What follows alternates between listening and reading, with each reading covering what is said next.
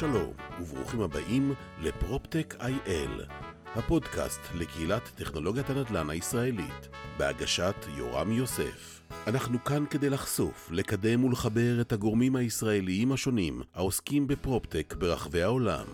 אתם מוזמנים לעקוב אחרינו בדף קהילת הפרופטק בפייסבוק, PropTech IL, podcast and community. שלום סיון בלסנהיים, מה שלומך? אחלה, ואני שמח להיות פה. תודה, תודה. סיון, co-founder של Rentigo, שנים האחרונות גרת ועבדת בארצות הברית, פיתחת את חברת הפרופטק Rentigo, שעוד מעט נדבר עליה, במקביל את חברת הפינטק American Volume שנמכרה. אתה מנטור במספר אקסלרטורים בתחום הפרופטק והפינטק, והיית מעורב בהקמה של מספר לא מועט של סטארט-אפים אחרים, רובם מתחום הפינטק דווקא. אז uh, ספר לנו קצת בקצרה על עצמך, משפחה, לימודים, קצת על הקריירה, מה דחף אותך להיות יזם. אני חושב שקודם כל, מה שדחפתי להיות יזם זה, אתה יודע, זה אופי אינדיבידואלי של שאפתנות. תמיד רוצה להגיע הכי גבוה והכי רחוק. גדלתי בישראל, סרן בחיל מודיעין, MBA, מנהל עסקים, ואז אני בא עם כמעט 20 שנה בעולמות הפינטק, משלב גם אנזון uh, בטכנול, בטכנולוגי וגם אה, ב finance, ובארבע שנים האחרונות, חמש שנים האחרונות, גם פיתחתי התמחות מאוד ייחודית בכל עולם הפרופטק. החזקתי לאורך השנים מספר תפקידים ב... במספר חברות, מ-PwC לוויזה קל, עם גם התמחות בעולמות ה payments, ובעצם מנכ"לתי איזו קבוצה בעולם ה payments, ותוך כדי תנועה בעולם payments של אותה קבוצה שמנכ"לתי אותה, זיהינו צורך מאוד מאוד רציני, ב... זיהיתי צורך מאוד רציני ל... להקים עוד סולק, מה שהיום בימים האלה אנחנו רואים בעצם שהממשלה מנסה לשבור את המונופול של ויזה קל, ישראכרט, היא שברה אותה יחסית. נכון. ועדיין יש צורך בהמון סולקים, אז בזמנו, זה היה בערך לפני ארבע וחצי שנים. במדינת ישראל לא יכלתי לקבל רישיון, זה היה ממונה על ההגבלים, לא נתן לשחקנים חדשים. ואז בעצם אה, הצלחתי לקבל רישיון בארצות הברית. וואו. והאמת שזה גם סיפור מאוד מעניין, כי זה בעצם מה שהוביל לרנטיגו. ואז קיבלנו רישיון אה, להקים חברת אה, סליקה, ממש ב-level של ויזה קל וישראכרט. יש עדיין צורך אדיר, התמחינו בכל ההייטק הישראלי שעובר מעובר מישראל לארה"ב, בעיקר כפורינר, שאתה מגיע לארה"ב, עם מי אתה מדבר, מי סופר אותך, ב, אתה יודע, בוורס פאגו, בכל הבנקים ככה. האלה. כן. אף אחד לא מסתכל עליך, במיוחד כי הבנקים האלה הם מאוד שמרנים ולא מבינים את המודלים של האינטרנט. ואחלה, יצרנו אחלה חברה, cash cow, נחמד, אה, נישה מאוד מאוד מעניינת, ואז קרה לנו דבר מאוד, מאוד מעניין, שבעצם... וזה דווקא סיפור נחמד, איזו חברה שלנו, ברוקרית בעיר, okay. אוקיי. באה אלינו ואמרה לנו, אתם רואים את שתי מגדלים האלה, 50 קומות, אלף, אלף דירות? הדיירים מתים לשלם את השכר דירה שלהם עם כרטיס אשראי. למה? בגלל ה credit scoring, בגלל ה points, בגלל ה... שם, דרך אגב, זה לא האחד ועוד אחד היחסית מסכן הזה שיש בישראל, שם טסים למקסיקו, ויש להם את ה... נוחות של לשלם אונליין, ובשנה-שנתיים האחרונות יש את כל הנושא של הקשבק, שזה באמת אנשים עושים מזה כסף. וכל העולם נע לעולם הזה, וגם מי מחזיק בימינו צ'קים? כמעט, אתה יודע, כאילו, אני כבר לחתונות לא מחזיק צ'קים. ואז אמרנו, מה הבעיה? הלכנו לפגוש את הבעלי מגדל, 50 קומות, אלף דיירים. אמרנו לו, יש לך. הבן אדם היה מאוד מאושר. אחרי שתי דקות, הוא נהיה רציני, אומרים לו, למה אתה רציני? אז הוא אומר, תשמעו, אין לי איך לגבות את זה, אין לי אתר, אין לי כלום, אני עושה הכל ידנית. עם אותם אנשים ששמים את הפתק מתחת לדלת, עוברים למשרד, לוקחים את זה.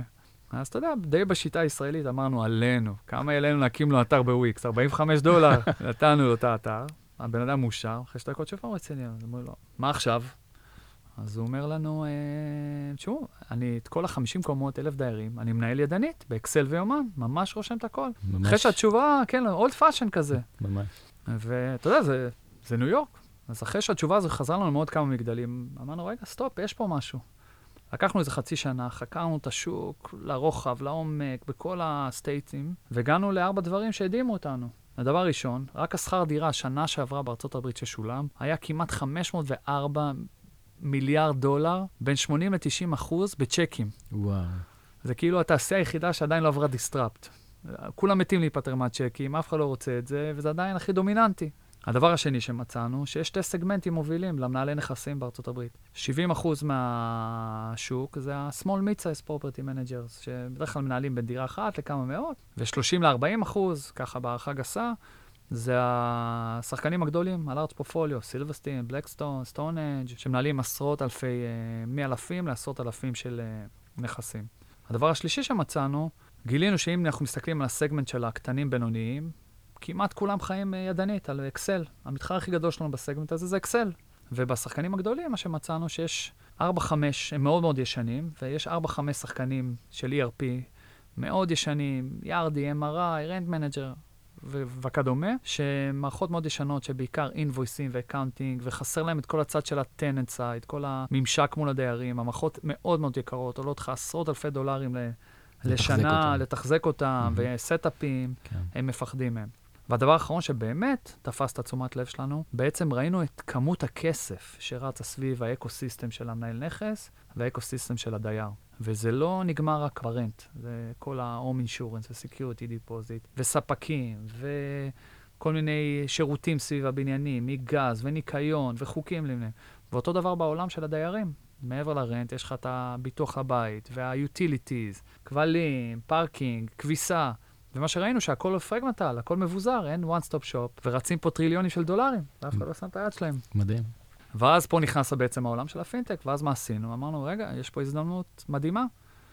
הקמנו את רנטיגו, ושכפלנו לרנטיגו את הרישיון. רנטיגו היא בעצם, מאחורי הקלעים היא שחקן סליקה. היא בעצם, יש לה רישיון סליקה ישירות מוויזה ומאסטרקארד. אנחנו כמעט ברמת ה federal, יש לנו רישיון פדרלי שמכסה 50 מדינות, ישירות מול ויזה ומאסטרקארד. אז בעצם ב backbone אנחנו חברת payments. זה נותן לנו יתרון מטורף בשוק. מטורף. וזה בעצם, המפלצות החדשות היום בעולמות הטכנולוגיה, בעצם זה השחקני payments. למה? כי אתה בא לשחקני SaaS שלוקחים לך per שירות, ואתה אומר, אני נותן את המוצר שלכם בחינם. ואתה חי על מרווחים מאוד מאוד יפים. שזה מודל עסקי מדהים, שבעצם נותן לך גישה לשוק בצורה נהדרת. נכון. עכשיו, תכף אנחנו ניגע בזה יותר, אבל אחד הדברים פה, שאתה מסתכל על ה-DNA של השחקני נדל"ן, זה אנשים ש... זה נקרא, אני, אני אקרא לזה בעדינות, הם מאוד רגישים לנושא של התשלומים, של העלויות. כן. וכשאתה בא אליהם באופר שהוא חינמי, זה עושה, זה לא ה offer היחיד כמובן המנצח שלנו, אבל ברגע שאתה בא עם אה, offer חינמי, אז האנשים האלה כבר הורידו את כל החסמי כניסה. ברור, אם יש לך מוצר טוב, שעונה על הצרכים, והוא לא עולה כלום, אז... אה, למה לא לנסות? נכון. וזה מאוד משפיע. אנחנו היום רנטיגו בעצם משחקן פינטק פרופטק, שמשנה את כל עולם הניהול נכסים. אנחנו ב hypergrowth, בשנה האחרונה, תכף אני אגע במוצר שלנו לשחקנים הגדולים, אנחנו ב hypergrowth מטורף. אנחנו סגרנו מעל 100 אלף יחידות, אפילו אני ממעיט בכמות היחידות שסגרנו. בין השחקנים שסגרנו אותם, זה השמות הכי גדולים בתעשייה. מסטון אנג' לסילברסטין, לגרדן הומס, ליד אמריקה, אמרל פרופרטיז, כל אחד עם אלפים של נכסים. המודל של רנטיגו הוא באמת, באמת מודל הרבה יותר uh, מעניין ומורכב, אבל בשלב הראשון אנחנו חיים רק מעולמות, נותנים את המוצר של ה-Tenants App וה-Rent uh, CRM, ואנחנו חיים על עולם של ה-Rents, מהפיס כבנק. רק ב second level אנחנו כבר מתחילים לתת את כל השירותים של ה extra services לדיירים, מנגישים להם את ה-one stop shop לכל החיים שלך לבית, ובשלב השלישי רנטיגו הופכת להיות חברת דאטה, חברת AI. כי בעצם תחשוב על כל הכמות דאטה שיש לנו, שהיא הכי מדויקת בשוק, ברור. כל המידע הפיננסי וכל ה... מידע ששווה זהב. בדיוק, זה כן. בשלב השלישי. מתי שוכר מפסיק, מתי שוכר רוצה לשכור. אפילו ברמת הדייר, אני יודע את כל הלייפסטייל שלך, אני יודע את כל העולם שלך, מה, מה שקורה. זה סופר סופר מעניין. באיזה מחירים הוא שכר, באיזה. תקופות. בדיוק, ו- ואנחנו משלבים לתוך זה את הלייפסטייל. אז אם אני חוזר, אז, אז רק, רק במספרים שהחתמנו היום, שאנחנו מדברים כמעט מעל 100 אלף יחידות, ואם אנחנו ניקח את הרנט, אנחנו מדברים כבר רק ברמת הסליקה, חברה שסורקת כמעט 2 מיליארד דולר, ברגע שנטמיע את כל הדירות. מטורף. ואז זה הופך כבר למשחק מאוד מאוד רציני. ברור, זה עניין של ווליום. נכון. עכשיו, ברגע ששכפלנו רנטיגו את, ה, את הרישיון סליקה שלנו, שאנחנו באים לשוק כחברת סליקה, בעצם גייסנו כסף ופיתחנו מערכת שלמה שבאה, ויש לנו שתי פתרונות, שבאה ופותרת את כל מה שהמנהלי נכסים צריכים בעצם, ואת כל מה שהדיירים צריכים. ואם אם אנחנו מסתכלים על הסגמנט של השחקנים הקטנים, המנהלי נכסים הקטנים, בעצם אנחנו נותנים להם את כל ה-CRM שלהם, שבעצם בא להחליף להם את האקסל, מאוד ידידותי, מאוד קל. בצד השני לדיירים אנחנו נותנים אפליקציה שבאה ופותרת את כל מה שאתה צריך סביב הבית, מעד כל סוגי התשלומים, בכרטיסי אשראי, בצ'קים, בלוקבוקס, אם אתה רוצה לתת את הצ'ק הפיזי, כל הבעיות של התקלות, כל התזכורות. לדוגמה, אם יש לך תקלה, אל תתקשר למנהל, אל תתקשר לבעל נכס. קח את האפליקציה, צלם את התקלה, שלח אותו לבעל נכס, והוא בלחיצת כפתור כבר, שולח את זה לאינסטלטור, שיבוא ויתקן לך את ה... זאת אומרת הבעיה. שאתם מסתכלים בעצם על כל הצדדים של העסק הזה, ונותנים לכל אחד מהם פתרון ייחודי, שבסוף משתלב לפתרון אחד כולל. נכון מאוד. אנחנו, אנחנו, אנחנו גם חושבים, ותכף נדבר על זה, על לאן התעשייה הולכת, אבל בסופו של יום כל התעשייה תנוע, וגם בגלל שכל התעשיית proptech עוברת שינוי, זה יעבור ל-one stop shop. בהחלט. אנחנו הגענו למספיק אפליקציות על הטלפון, ואנחנו כדיירים, וכל אחד מאיתנו כדייר, רוצה מקום אחד שבו הוא יקבל את כל השירות סביב הבית, שאני יכול לשלם את ה rent, שאני אקבל את התזכורות על החוזה שנגמר לי, שאני יכול לחדש את ה... ביטוח הביתה, שאני יכול לשים פה את ה deposit, שאני יכול להיכנס הביתה עם הטלפון או לכניסה לבניין, למגדל. או להזמין את ה parking, או להזמין כל מיני amenities, או אפילו להזמין שיעורי יוגה. ש... אז פעם דיברו על מערכות של ERP, שהן בעצם כוללות את כל מה שהעסק צריך, מבחינת הנהלת חשבונות, ותחזוקה, ו- והשכרות, וניהול הבניין וכולי, והיום אנחנו מדברים בעצם על משהו הרבה הרבה יותר רחב, שמסתכל גם על הצד של הלקוח, מה שהוא צריך, הלייפסטייל שלו והכול, זה בעצם ERP מורחב אה, בכמה רמות. נכון מאוד.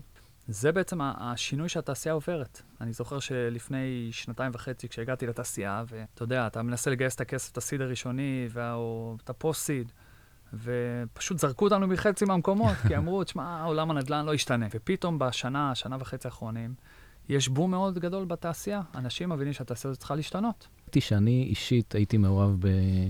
בהטמעה ופיתוח של שני uh, ERPים בדיוק שעושים את, את, את הדבר הזה, בעצם uh, מנהלים את, את כל הנכסים של החברה יחד עם, עם החשבונות ועם כל התחזוקה וה, והבנייה והכול. זה היה ב-2007, ואחרי זה עשינו עוד פעם ב-2014, 2015. מדהים שבניו יורק, כשאתה באת ב-2000 ו-16, לא היה כלום. זה כן. מדהים, כן. הדבר הזה. ודרך אז... אגב, אנחנו לא רק בניו יורק, אתה רואה את זה, אתה יודע, בכל, אנחנו מכסים 50 מדינות, אנחנו מכסים בכל ארצות הברית, והאמת שבשנה האחרונה אנחנו גם מקבלים פידבקים מחוץ לארצות הברית, שאותה בעיה קיימת בכל, ה...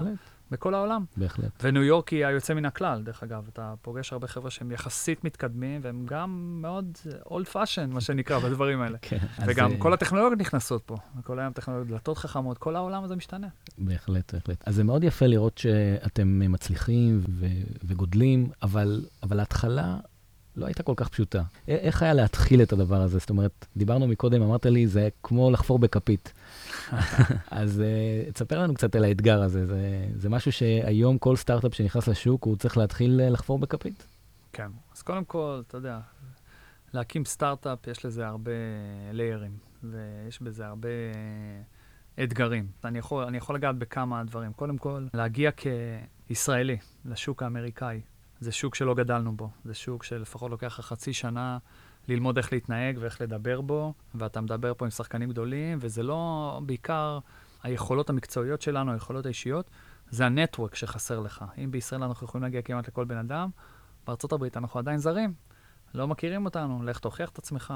אני יכול להגיד, לשמחתנו ולמזלנו, אנחנו, אנחנו התחברנו לאקסלרטור מאוד מאוד מעניין שקוראים לו סילבטק venture, שהוא affiliate של uh, סילבסטין, בעלי המגדלים, שהוא בעצם... Uh, נתן לנו את הדריסת רגל הראשונה, שם עם mentoring מאוד חזק, ו... שהוא בעצמו שם... בעל בית ענק. בדיוק, שהוא בעצמו, שלנו זה היה מאוד חשוב, כי הם brandים מאוד רציני, אבל גם יש שם קהילה, הם השכילו לייצר קהילה של עוד סטארט-אפים ישראלים במגוון תחומים. אנחנו היינו בין השתיים היחידים בתחום הנדל"ן, ובעצם זה יצר לך מה שנקרא נחיתה רכה. כן. כי אתה בא ונכנס ומכירים לך ועוזרים לך בכניסה, שזה מאוד מאוד מקל, אבל זה עדיין לא, אתה יודע, זה... זה עדיין חלק מהתהליך. ואז אתה פשוט צריך להתחיל ללכת, ואחרי שהראית, אה, הקמת את המוצר הראשוני, אתה צריך ללכת ולהיפגש ולהבין מי זה השחקני נדל"ן. ועכשיו, למה ששחקן נדל"ן, נגיד סטונהנג', שיש לו אה, אלפי נכסים, יתייחס לחבר'ה הנחמדים האלה מישראל שבאו עם רעיון מגניב? כן. אז אתה יודע, זה כל עבודה כמו כל סטארט, צריך ללכת ולשכנע אותם. כן. למה אנחנו מגניבים, ולמה המוצר שלנו יעבוד, ולמה כדאי לו להתחיל לעשות אותנו. ופשוט עברנו אבן, אבן ככה, ולאט לאט. התחלנו לבנות את ה brandים. זה גם מאוד מאוד חשוב מי השותפים שאתה לוקח לדרך ומי הצוות שאתה בונה איתך. ואנחנו תמיד קוראים לזה לין ומין. יצרנו צוות מעולה, קטן, איכותי, אבל אגרסיבי, שבשיניים השיג את כולם. כן, זה מאוד יפה. גם uh, סיפרת מקודם שלפני שהתחלתם לעבוד על המוצר, אתם עשיתם חקר שוק uh, מאוד מאוד עמוק ורחב, שזה לא כולם עושים, ולא כולם uh, מודעים ל... כי הגעת לארבע מסקנות ש... שאולי אחרים לא היו מגיעים אליהם, ואז לא היו מבינים איזה פוטנציאל אדיר יש להם ביד. מאוד יפה. אני יכול להראות לך גם איך דוגמה, איך שאמרנו, איך מתפתח מוצר. אז כשאנחנו התחלנו לה... להיכנס לשוק, וזה בעצם גם יסביר חלק לאנשים שמאזינים לנו, זה זה הסבר חלק מהאתגרים שקיימים היום בשוק, ה, בשוק הפרופטק, לצורך העניין. וקודם כל הגענו לשוק, וזה סופר סופר חשוב להבין, שוק הנדל"ן זה שוק שעדיין תקוע בשנות ה-60. לא יעזור כמה אנחנו נבוא עם חדשניים ונמציא את העולם, השוק הזה כרגע עדיין לא מסוגל לעכל את הטכנולוגיות החדשות. עכשיו, הוא לא מסוגל לעכל את זה כי א', זה אנשים מאוד מאוד שמרנים. שאנשים מצד אחד מאוד מאוד שמרנים, ומצד שני זה אנשים שהם מאוד מאוד עשירים. הם לא צריכים טכנולוגיות כדי להמשיך ולהרוויח, הכל עובד. העסק עובד. העסק עובד, כן, נכון. ולזכותם, והם הרימו עסקים יפים, והם. גדלים, ושוק הנדל"ן פורח בשנים למה. לקלקל משהו שעובד? בדיוק. כן. עכשיו, והוא אומר, אוקיי, אני רגיל לקבל את כל הדפים האלה ואת כל הדודות שעובדות עם המבטחים, אז בואו נמשיך בזה, אין לי סיבה לשנות. נכון. אז פה לדוגמה, אתה יודע, מתחיל להתחלף דורות, ומתחיל דרישה של דיירים לאפליקציות, ורוצים לייעל. וכשקצת יש זעזועים בשוק, אנשים כן מתחילים לשפר את הטכנולוגיה. כן. והם יותר נגררו לתחום הזה מאשר, אתה יודע, הם באמת רצו שינוי. יש גם את הפוליטיקה הפנימית של המנהלת חשבונות או הרואה חשבון שלא רוצה עכשיו את הכאב ראש, כי זה כאב ראש, להתחיל נכון, להחליף מערכות. נכון, נכון, נכון. תשמע, בחלק מהמקומות שהגענו אליהם, כשהתחלנו להגיד להם, חבר'ה, אנחנו יכולים להחליף את כל ה-20 איש שיושבים ופותחים את המעטפות של הצ'קים כל חודש, אתה יודע, במקום שתזרקו אותם, יש מערכת אוטומטית, יש אפילו מצלמה שסורקת את זה, תעשו לנו ששש, אל תרעידו לנו את הבית. בהחלט. אז אתה יודע, אתה צריך לתאם את זה, אבל, אבל אני חוזר לאחד הדברים שאמרנו, אז כשנכנסנו לשוק בהתחלה, אז אמרנו, בוא, בוא נתאם את השוק בשחקנים הקטנים, אתה יודע, בבינוניים האלה. שהם מחליטים מהר. כן, הם מחליטים, גם עשינו, עשינו את, כל הזה, את כל השיווק שלנו דרך digital acquisition, שהורידו את האפליקציה. מהר מאוד השגנו אלפים של מנהלי נכסים ומאות דיירים. ואז לפני שנה, שנה וחצי, ככה קרה לנו דבר מאוד מעניין. השחקנים הגדולים הגיעו אלינו בשוק. אמרנו לנו, רנטיגו, יש לכם משהו מאוד מאוד מעניין. וזה האתגרים שלנו שאנחנו רוצים שתפתרו לנו. וזה היה, וזה אחלה אתגרים של, שלימדו אותנו. ומה זה האתגרים שהם באו אלינו ואמרו? האתגר הראשון שכל השחקנים הגדולים דיברו עליו, אמרו, מיתוג. הם אמרו, אין לנו היום מיתוג, אנחנו סובלים מחוסר מיתוג. עכשיו, אתם מכירים את סילבסטין, אתם מכירים את בלקסטון, אבל יש שחקנים לא פחות גדולים, עם הרבה יותר גדולים, שבחיים לא שמעת עליהם. וזה מע- משפיע עליהם. מעניין שהם רצו מיתוג, כי בדרך כלל החברות נדל"ן האלה, הן רוצות להיות אה, בשקט. אז עכשיו אני אסביר לך למה מיתוג, כי אז מה, הם באו עם המיתוג? ואז הם באים ואומרים לך, המיתוג משפיע על ה engagement של ה tenant. דיירים לא חוסכים לי 10 דולר, עוברים את הכביש, כי הם מבינים את הvalue שהם מקבלים בקומפלקסים שלי. והדבר השני היותר משמעותי פה, השוק עבר disrupt פסיכי על ידי WeWork. WeWork שיבשה את כל המחשבה של עולם הנדל"ן. כן. והם באים ואומרים לך, אני שחקן נדל"ן, קונה עשרות שנים, אלפים של נכסים, ואני מדבר valuation של 2 ל-3 מכפיל. והוא אומר, באו החבר'ה הנחמדים והמאוד חכמים האלה, WeWork, מיתגו את עצמם כנדל"ן וטכנולוגיה, או הייטק, והם מדברים במינימום 10x. אז כל, אתה רואה טרנד מאוד גדול שאנחנו נתקלים בו, שכולם רצים היום אחרי טכנולוגיה ומיתוג. רוצים את ה-value, רוצים את אותם valuations. הדבר השני שהם כולם באו אלינו ואמרו, זה vacancy rate ו-turnover. vacancy זה ברור, כולם רוצים לשאוף ל-100%. turnover, וזה מספרים שהדהימו אותנו, וזה חוזר בצורה עקבית, בערים הגדולות, כולם מדברים על 30% תחלופת דיירים שנתית. ועל כל תחלופת דייר הם מפסידים בין חודש שכר דירה לשלושה חודשים של שכר דירה. לא כולל את ההתאמות שהם צריכים לעשות. כן, לזה, וזה המון, המון המון כסף שהם מפסידים על זה. הם באים ואומרים לו, תשפר לי אפילו ב-5% את המספר הזה, אני עושה פה ערימות של כסף, אני. חוסך. והרי חודש ראשון על הברוקר, יש את הדאון טיים, מה שנקרא, בין דייר נכנס לדייר יוצא. בדרך כלל אתה צריך לשפץ, לנקות את הדירה, זה עוד כסף. בוודאי. דבר ש... לא- שלא לדבר על זה כשנכס ריק, יש לך פתאום עלויות של אה, ארנונה ושל דמי ניהול, נכון, ושל אה, הוצאות של אה, מערכות שיושבות בשקט ולא עובדות. נכון. והם פתאום מבינים שבטכנולוגיה אתה יכול להוריד את המספרים האלה, ו-30% זה בערים הגדולות. מחוץ לערים גם שמענו מספרים, אתה יודע, של 40 ו-50, אבל אני כרגע מתייחס לערים הגדולות. עכשיו, דוגמה, דבר שלישי שהם באו, עכשיו, הכל, כל נושא שתכף אני נוגע בו, הוא אחד קשור לשני. דבר שלישי שהם באו ואומרים לך, זה שיווק. הם אומרים כולם, תשמע, אין לי איך לתקשר עם הדיירים. אני היום, איך כל התקשורת מול הדיירים נעשית? בפתקים מתחת. הדלת, בדיוק. שם לך פתק על המעלית, שם לך בכניסה לבית. אם יש doorman, אז מקסימום נחמד. ומחייך. בדיוק. ואז הוא בא, אומר, תשמע, כל, כל העולם היום מסתובב עם אפליקציות. למה לא להתחיל לתקשר איתך ב-SMSים, ב push notification? עכשיו, הוא אומר, איך אני מעלה את ה engagement? אפילו דברים בסיסיים, אני רוצה לשלוח לך מזל טוב, שתרגיש נחמד, לשלוח לך בבוקר שם. או לשלוח לך, תשמע, התפנתה הדירה למעלה אם אתה רוצה לשדרג. או זה כל הנכסים שלנו, אם אתה רוצה לשנות לאיזה דירה אחרת. ואין להם את כל היכולת לייצר כזה engagement ולשווק את זה. דבר רביעי שהם באו ואמרו לנו, זה כל הנושא של...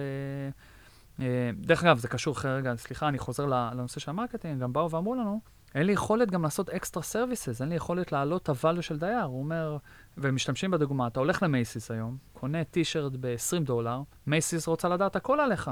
ופה יש לנו דיירים שבממוצע משלמים בין 1,200 דולר שכר דירה לחודש ל-10,000. ואתה לא יודע עליהם כלום? כלום. ואנחנו רואים את זה ב database אין כלום, בקושי שיש מספרי טלפונים. כן. ואיזה תעשייה, ניקח את זה רגע לעולמות של האונליין, עולמות אחרים, איפה יש לך value של uh, לקוח, שמשלם לך בין 1,200 ל-10,000 דולר ואתה לא יודע עליו כלום. בהחלט. אתה יכול אז- להעמיק גם את המכירה אליו. בדיוק, כן. תתחיל למסור. זאת אומרת, אין פה שום דבר הוליסטי.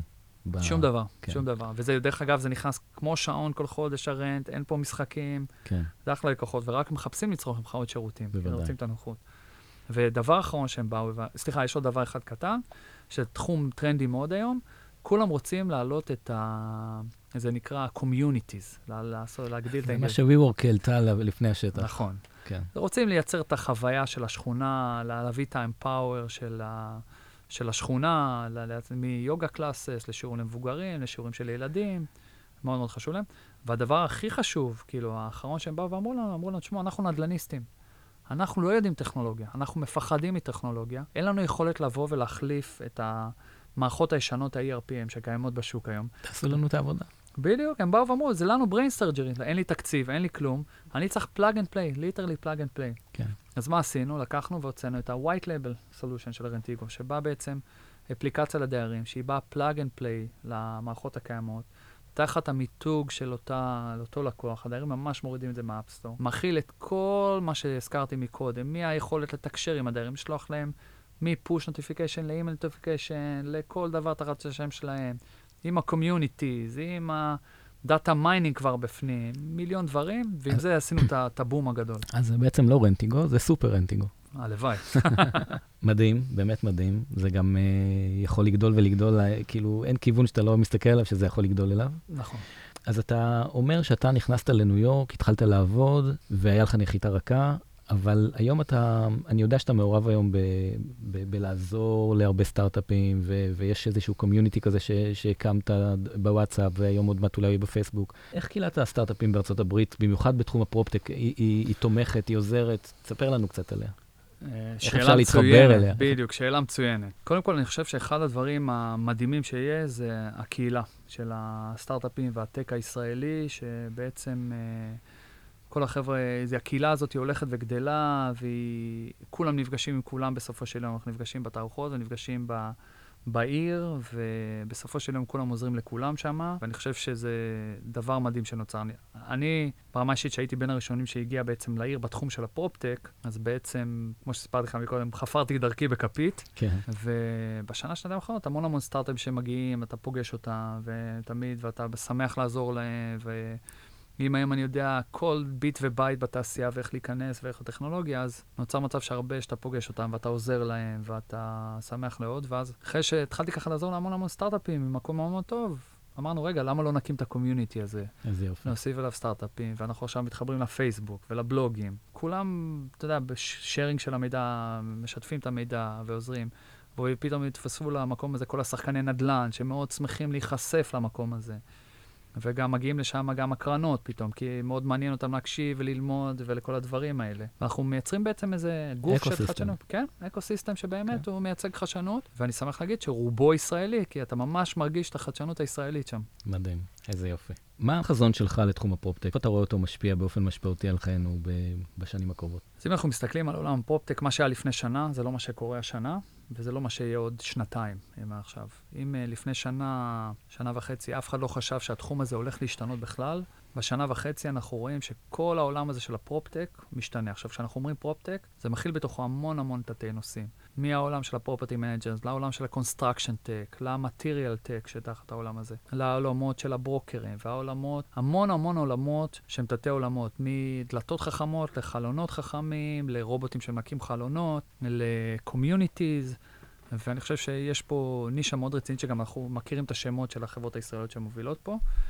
אז כרגע השוק הזה עובר בום של המון המון יזמים וטכנולוגיות חדשות ש... שנכנסות ומתחילות להציע רעיונות לשנות את הדברים שתקועים עדיין ב-60's.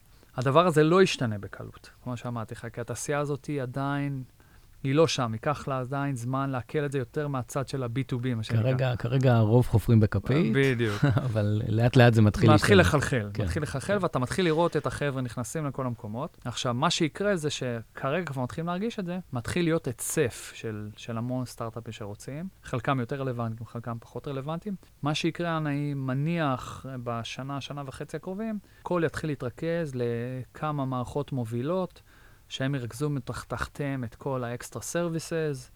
אה, לדוגמה, אנחנו ב Rentigo נהיה אותה מערכת, כי בעצם אנחנו שולטים ביוזרים ושולטים ב property managers, והמנג'רים, ה property manager וגם הדיירים, הם לא ירצו להשתמש ב-20 אפליקציות, אפליקציה לדלת, אפליקציה לחלון, הכל, ברור. הכל יתכנס ל-one stop shop בשוק ברור. הזה. אז, אז בסוף אתם תצטרכו לרכוש חברות אחרות. או שאנחנו נרכוש, או שנעשה דרך שת"פים. אתה יודע, בעצם המון המון סטארט-אפים שלדוגמה שאני פוגש, אני ממליץ להם, אל תנסו להיות, אתה יודע, מה, פופאים לכבוש כן. בעצמכם את, את כל העולם. תלכו עם ונדורים שיפיצו אתכם, כי אם אני כבר פרוס באותו מקום, הרבה יותר קל לי לבוא ברור. ולשווק אותך כן. לדבר הזה, ואני מקצר לך טווחים לכיוון ה- המטרה שלך. אוקיי, אז זה טיפ אה, מצוין. קודם כל היה ממש מרתק. אם אה, יזמי אה, פרופטק שמגיעים לארצות הברית או לניו יורק רוצים אה, ליצור איתך קשר, איך הם יכולים לעשות את זה? אז אני אשמח שיפנו אליי מדרך הלינקדין או הפייסבוק, או אנחנו נשאיר לך את זה בבלוג, את, ה- את הפרטים של האימייל שלי והטלפון שלי, ויותר משמחה לעזור להם ולהיכנס ולשתף אותם ב, במה שעברנו. איזה כיף. לסיום, את מי היית רוצה להזמין לאולפן אצלנו, שלדעתך ייצור שינוי משמעותי בשוק הזה בשנים הקרובות? שאלה קשה שחשבתי עליה מאז שהתחלנו לדבר ככה, כמובן שיש הרבה שהיית רוצה, אבל... וברור, הייתי שמח להזמין את כל חבריי לקהילת הסטארט-אפים פה, שיזמינו אותם, ואני אני חושב שדווקא יהיה added value בלהזמין את אחד מהשחקני נדל"ן הגדולים. אוקיי, להזמין אותו פה, שהוא זווית ידבר- מעניינת. כן, שהוא ייתן את הזווית שלו, והוא יגיד קודם כל מה הקשיים שהוא מתעסק בהם ברמת היום-יום, איך הוא רואה ומה מה העיסוק המרכזי שלו ברמה היוממית, ואחרי זה שהוא גם ייתן את הזווית של איך הוא רואה את כל הסטארט-אפים שפונים אליו, כן, איך זה נראה מהצד השני של השולחן. כן, זווית מאוד מעניינת.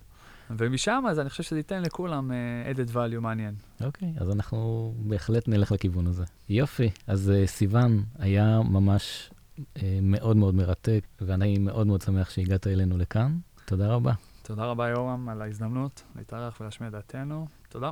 תודה. תודה שהאזנתם לפרק נוסף של PropTech IL.